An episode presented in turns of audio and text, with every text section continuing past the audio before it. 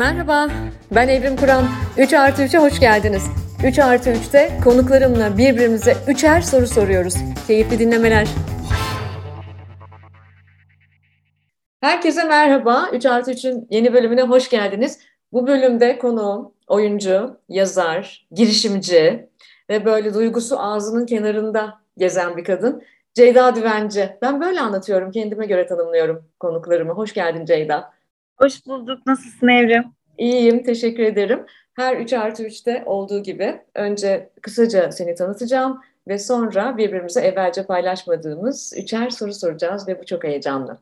Zaten tanıyorsunuz Ceyda'yı, anlatmama gerek yok da hani ben nasıl okuyorum konukları e, öyle bahsetmeyi seviyorum. Ceyda e, benim kuşaktaşım, ben ondan bir yaş büyüğüm ve e, e, Nisan'da bir bahar gününde dünyaya gelmiş bir kuşaktaşım. Ee, ilk oyunculuk deneyimi ta 1995'e dayanıyor ama benim kuşağım onu böyle e, televizyonlardan falan da hatırlıyor. E, o zaman çok tatlı sabah programları olurdu. Bugünkü gibi değildi o zamanlar sabah programları. Sabah şekerleri falan izlerdik biz mesela. E, ve kariyeri boyunca Ceyda bir sürü dizide, filmde rol alıyor. Bir sürü programda sunuculuk yapıyor. E, aktif olarak tiyatro yapmaya da devam ediyor zaten. E, aynı zamanda yazar dedim onun için. Bal Köpüğü isminde bir kitap serisi var. Galiba dört kitap oldu değil mi seride? Ben, benim atladığım bir şey yok. Dördüncüsü çıkmak üzere. Okey. Ee, ama bir taraftan da bir de Duyguları Boyama diye bir kitabı var. Bence o da şahane. Girişimci olduğunu söylemiştim. Çünkü e, taş, kağıt, makas atölyesinin kurucu ortağı Ceyda aynı zamanda. E, Meli Melek ajanda e, kurucusu, kurucu ortağı. Ki bu ajandada e, şahane bir iş yapıyor e, bu ajandayı alanlar. E, serebral palsili çocukların hayatına da dokunmuş oluyor. Buradan bunu da ifade etmek isterim. Aynı zamanda Jayda Skin Food'un kurucusu. Onu da atlamayalım. E, bu skin food bu aralar dünyada çok meşhur sevgili dinleyici. E, yani cilt besini. Ne yersek oyuz, ne hissedersek oyuz mottosu olan bir iş yapıyor bir taraftan da. Jayda Skin'e de bakarsınız efendim onun Instagram accountunda zaten var linkler. Ha tabii ki e, Melisa ve Ali'nin annesi. Benim de bir Ali'm var onun da. E, ve Bülent'in sevgilisi. E, evli insanlar da sevgili olabiliyorlar sevgili dinleyici. Ve Ceyda hoş geldin 3 artı 3'e. Hoş bulduk Evrim. Teşekkür ederim beni konuk ettiğin için. İlk sorum geliyor. Hazır mısın? Hazırım. Şimdi bugünlerde e, e, bu soruyu dünyanın çatısına çıkıp herkese sormak istiyorum. Bunun cevabına çok ihtiyacımız var. Sen Instagram'da bir süredir bir canlı yayınlar yapıyorsun. Orada şöyle diyorsun, hashtagler de kullanıyorsun. Bana iyi gelen sana da iyi gelsin diyorsun. İlk soru buradan geliyor. Bugünlerde sana ne iyi geliyor? Anlat bize de iyi gelsin. Bana bu aralar sessizce durmak iyi geliyor. Çok fazla uyaranın olduğu bir dönem, çok fazla ruhumuzu yoran haberleri dinlediğimiz ve okuduğumuz bir dönem. Ee, kendimi dinlendirebildiğim tek alan böyle sabah beş gibi kalkıp karanlıkta öylece duruyorum. Akşam Ali'yi uyuttuktan sonra öylece duruyorum, sessiz. Ee, çünkü galiba bir tek bu iyi geliyor bu aralar. Ee, elimin altına gelen her haber çok yüreğimi yakıyor. Kendimi de çaresiz hissediyorum okuduklarımın karşısında. Birey olarak tabii ki yapacaklarım bir yere kadar diye düşünüyorum. Hiçbir şey yapmadan da durabilecek yapıda biri değilim ama bu aralar bana en iyi gelen şey günün belirli zamanlarında sessiz kalmak. Ve hiçbir şey yapmadan duruyor musun öyle? Evet özellikle işte zaten ya beşte uyanıyorum ve yataktan çıkmadan durmaya çalışıyorum. Çünkü o yataktan çıkarsam bir şey yapmadan duramam. E, ve Ali'yi uyuttuktan sonra onun yanında uzun bir süre duruyorum. Karanlık olduğu için ve yine yataktayım ve hareket etmemem gerekiyor. Özellikle o anları seçiyorum ki telefon yok, gürültü yok, ses yok, ışık yok. Kıpırdamadan öylece duruyorum. Bunu bu aralar çok sık yapıyorum. Muazzam. Hayatta en çok yapmak istediğim şeylerden biri. Hatta geçenlerde bir yazı yazdım ve yazıyı şöyle bitirdim. Yanında durabildiklerimize aşkla diye bitirdim. Ee, duramıyoruz çünkü. Bir duramama halindeyiz. Duramıyoruz. Ben de yani o yataktan kalkıp güne başladıktan sonra beni tutabilene aşk olsun tabii. Ama o durma böyle bir son 15 gündür hatta keşfettiğim bir şey benim için e, iyi geliyor. Daha dinginleştim gibi. Harika. Bir zen şiiri şöyle der.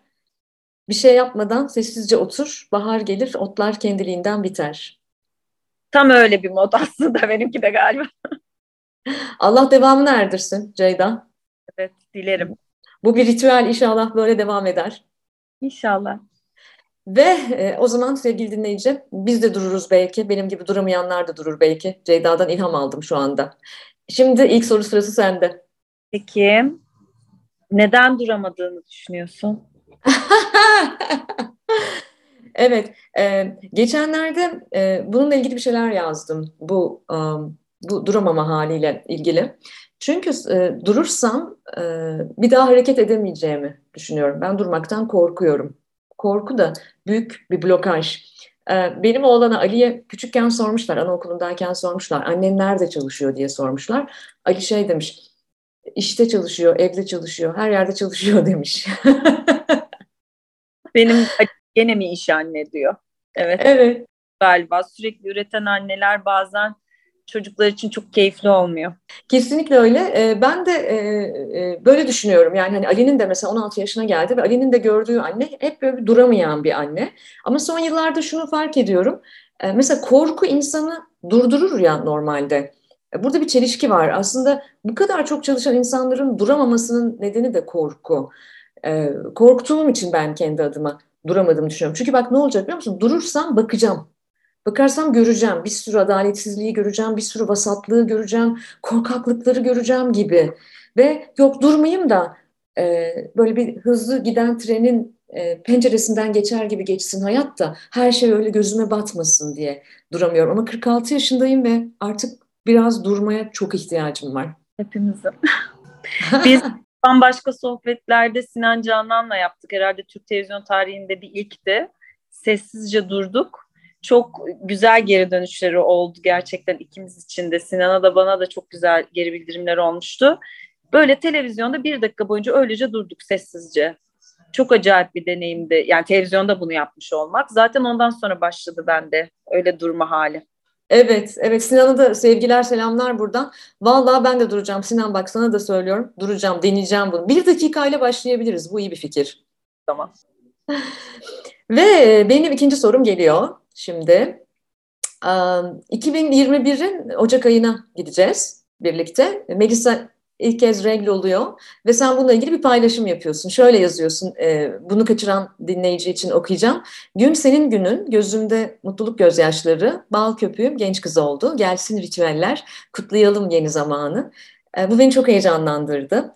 E, bir kızım yok ama bir kızım olsa böyle yapardım. Mesela kendim ilk regl olduğum günü hatırladım ve ne kadar üzüldüğümü, utandığımı, korktuğumu, anneme ne kadar çekinerek gittiğimi.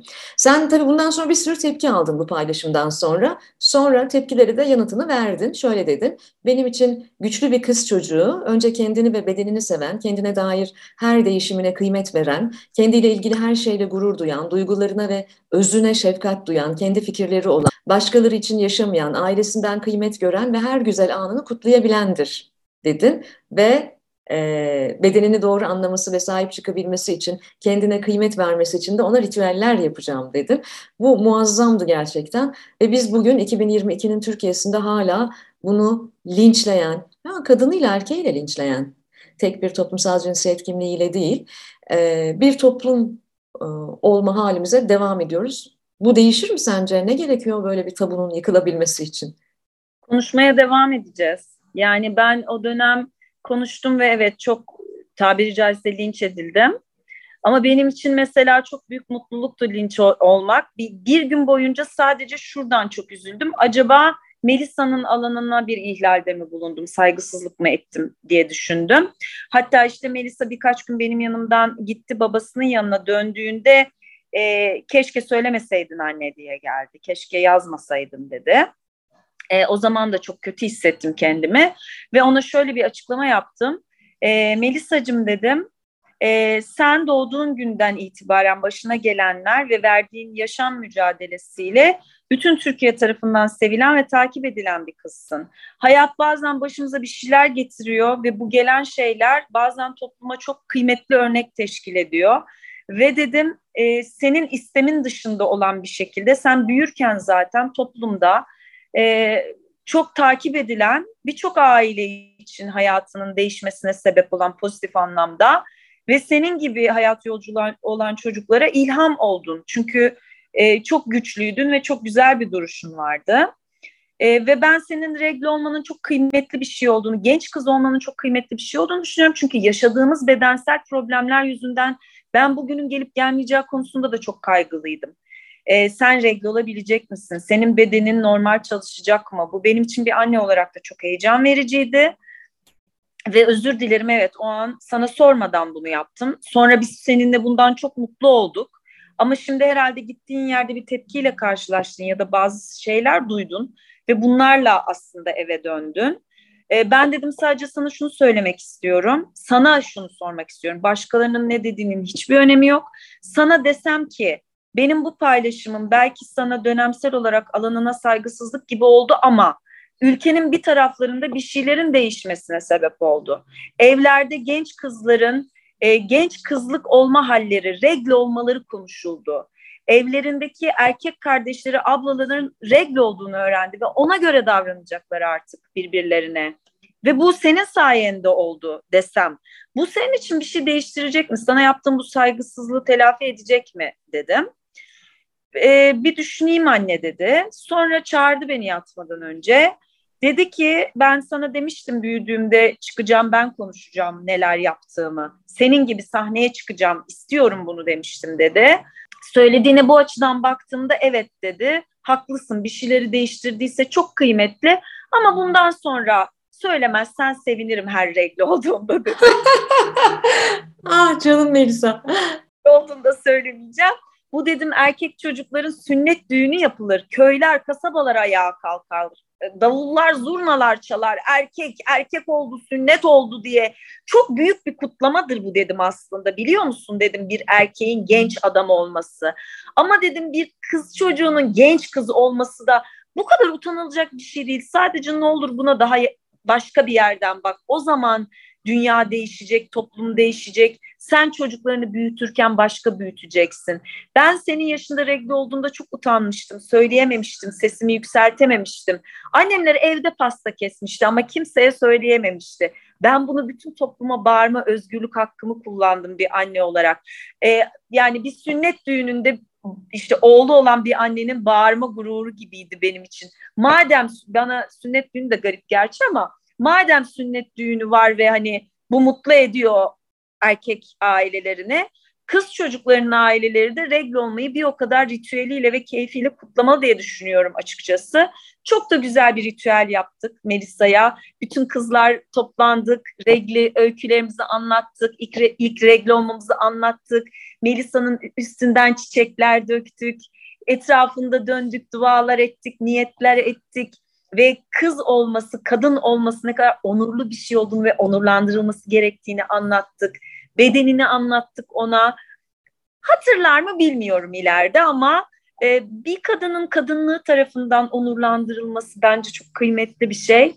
O yüzden ben böyle şeyleri tabii ki her regle olduğunda söylemiyorum ama e, bunların çok kıymetli şeyler olduğunu düşünüyorum. O dönem doğudan bir emniyet müdürü e, bana bağlantılı bir yolla ulaştı. Eyvah dedim emniyet müdürü arıyor hem de doğudan. E, ve şunun için aradı. Ben bu akşam eve gidip kızlarımla regli konuşacağım babaları olarak sizin sayenizde. Annelerine bırakmayacağım, ben konuşacağım diye ve çok ağladım bu telefona ben. Böyle bir süre evde meselenin değiştiğini de biliyorum zamanla gelen geri bildirimlerden. O yüzden vazgeçmeyeceğim. Ben bir yerde tepki varsa orada iyi bir şey yapıldığını düşünenlerdenim. Ezber bozduğumuzu düşünüyorum. Ezber bozmak iyidir. Kesinlikle ve bence aktif vatandaşlık da böyle bir şey. Evet. Böyle bir şey. İnsan olmak bunu gerektiriyor. Yani her böyle koyun sürüsü gibi bir yerden gitmek değil de buradan başka bir yol var. Buradan başka bir ifade biçimi var diyebiliyor olmak.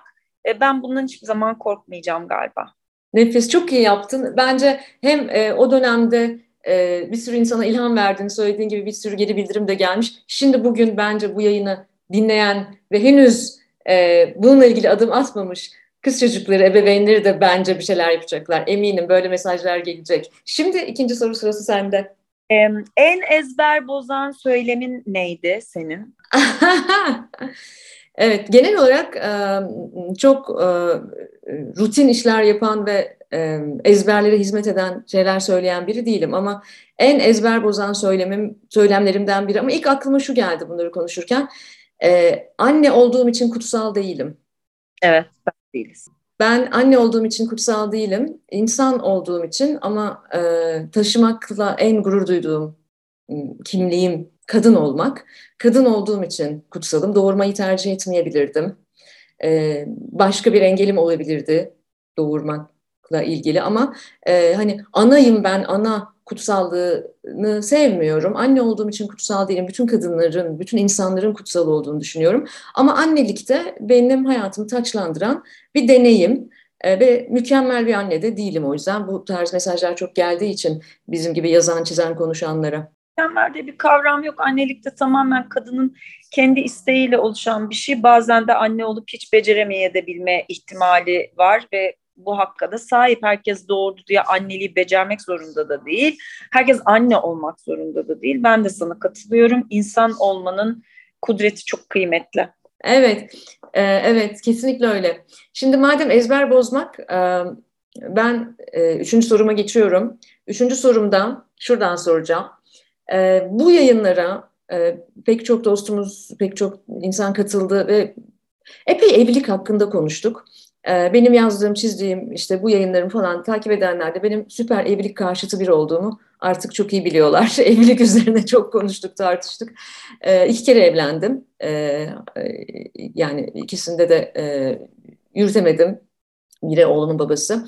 Ee, ve sonra bende böyle bir mekanizma geçti. Ya çok saçma bir şey evlilik. Niye evleniyor ki? Ben zaten evliliğe hep karşıydım. Kahrolsun evlilik falan gibi bir hale doğru yavaş yavaş giderken kendimi buldum. Sonra bir kitap okudum. Güzel sanatların bir dalı olarak evlilik. E, 1967'den bu yana evli olan e, psikanalist Julia Kristeva ve yazar Philip Sellers'ın konuşmalarından oluşuyor bu. İkisi söyleşiyorlar. Çok tatlı bir kitap. Ve orada şöyle diyor o kitapta. Evliliğin olabilecek tek anlamı tekilliktir. Ne anlık romantik bir yıldırım aşkı yanılsamasıdır ne de tek sesli orkestra halinde birbiri içinde erimiş çiftin mükemmelliği. Hayır, iki tekilliğin evliliği dayandığı yasadan çok hiç eksik olmayan zorluklara da mutluluklara da direnen sarsılmaz bir inançtan güç alır. Olunması gereken yer burasıdır inancı. Bu lafı çarpıldım. Olunması gereken yer burasıdır inancı. Ve sana dönüyorum çünkü ben hayatımda çok az mutlu evlilik gördüm. Ee, senin tabii ki ayrıştırıcı yanlarından biri e, sevgilim diye birbirinize hala hitap etmeniz ve aşık olmanız birbirinize. Bu nasıl oluyor ya? Böyle bir şey mümkün mü? Ümidimi korumaya mı devam edeyim? Ne yapayım? Ne dersin? Aslında ilk günden beri bu konu konuşulduğunda hep şunu söylüyorum. Mükemmel bir evliliğin içinde olduğumu düşünmüyorum olabildiğinin en iyisi olduğunu düşünüyorum. Evet bence evli olsan bile sevgilisin. Ben hayatta da böyle bakıyorum yani. Evlendiğin kişiyle karı koca olmak ve sevgili olmak kıymetli olan. Ama hep söylediğimde böyle garip geliyor. Söyleşilerde bunu çok sık söylüyorum. Yarın öbür gün benim de evliliğim bitebilir. Süremeyebilir. Ben yaşadığım her güne teşekkür edip e, hani senin gibi evlilikten soğumam. E, ama şey galiba evet yani orada olmanın kıymetini bilip orada olmaya niyet etmek bence de çok önemli. E, birlikte eğlenebiliyor olmak çok önemli. Virajları alır mıyız, alamaz mıyız? Yarın öbür gün bir virajla karşılaşırız, alamayız. Gerçekten oradan büyük konuşamam. Çünkü insanız ve hani e, psikologun hep dediği şey bu. İnsan değişen, dönüşen bir varlık ve her an değişebiliriz yani. isteklerimiz değişebilir, hayat beklentilerimiz değişebilir, uymayabilir e, ben maalesef hani eskiler gibi olamam hiçbir zaman. Hani kol kırılır yen içinde kalır. Aman bozulmasın resim biz orada dirayetli duralımcı değilim. Şimdiye kadar şükür hani her şey yolunda gitti gerçekten. Ben mutluluğumu sakınan biri değilim paylaşmaktan. Seviyorum paylaşmayı. Bu da tabii bütüncül baktığında çok mutlu, şahane bir aile ve evlilik resmi oldu. Ama ben aslında kavgalarımızı da paylaşan biriyim e, gerginliklerimizi de işte bir şey yaşadık, şu oldu, bu oldu diye. E, çok oraları görmek istemiyorlar. Anlıyorum da e, neden. Ama ben hayatı dair ne varsa bunları paylaşmayı seviyorum ve her söyleşimde de diyorum hiçbir şey ömürlük değil. Çok isterim ömürlük olsun. Niyetim de bu yolda tabii ki. E, ama hep şey diye düşünüyorum. Gittiği güne kadar ki her geçen güzelliklere şükür. Tabii ki çok anlaşamadığımız yer var, çok farklıyız hayata bakışımız çok farklı, zevklerimiz çok farklı. Ama mesele işte tam senin o kitap satırında olan o hakikaten çok güzel bir cümle. Yani ben burada olmak istiyor muyum? Burası değer mi? Benim burada olmak için ya da burada olmak adına feragat edeceğim şeylerden gönlüm razı mı? Çünkü birçok evliliğin bitme sebebi bu oluyor yani. E, adam ya da kadın diyor ki ya ben gencim daha gezeceğim, edeceğim, arkadaşlarımla takılacağım. Bu ne diyor yani iki çocuk, bir ev. Ben diyor bir kere yaşıyorum bu hayatı diyor. Bu da saygı duyulacak bir bakış açısı. Ama o zaman da evlilik yürümüyor zaten yani. Hani çok e, bastırıyor olman lazım bir sürü şeyi.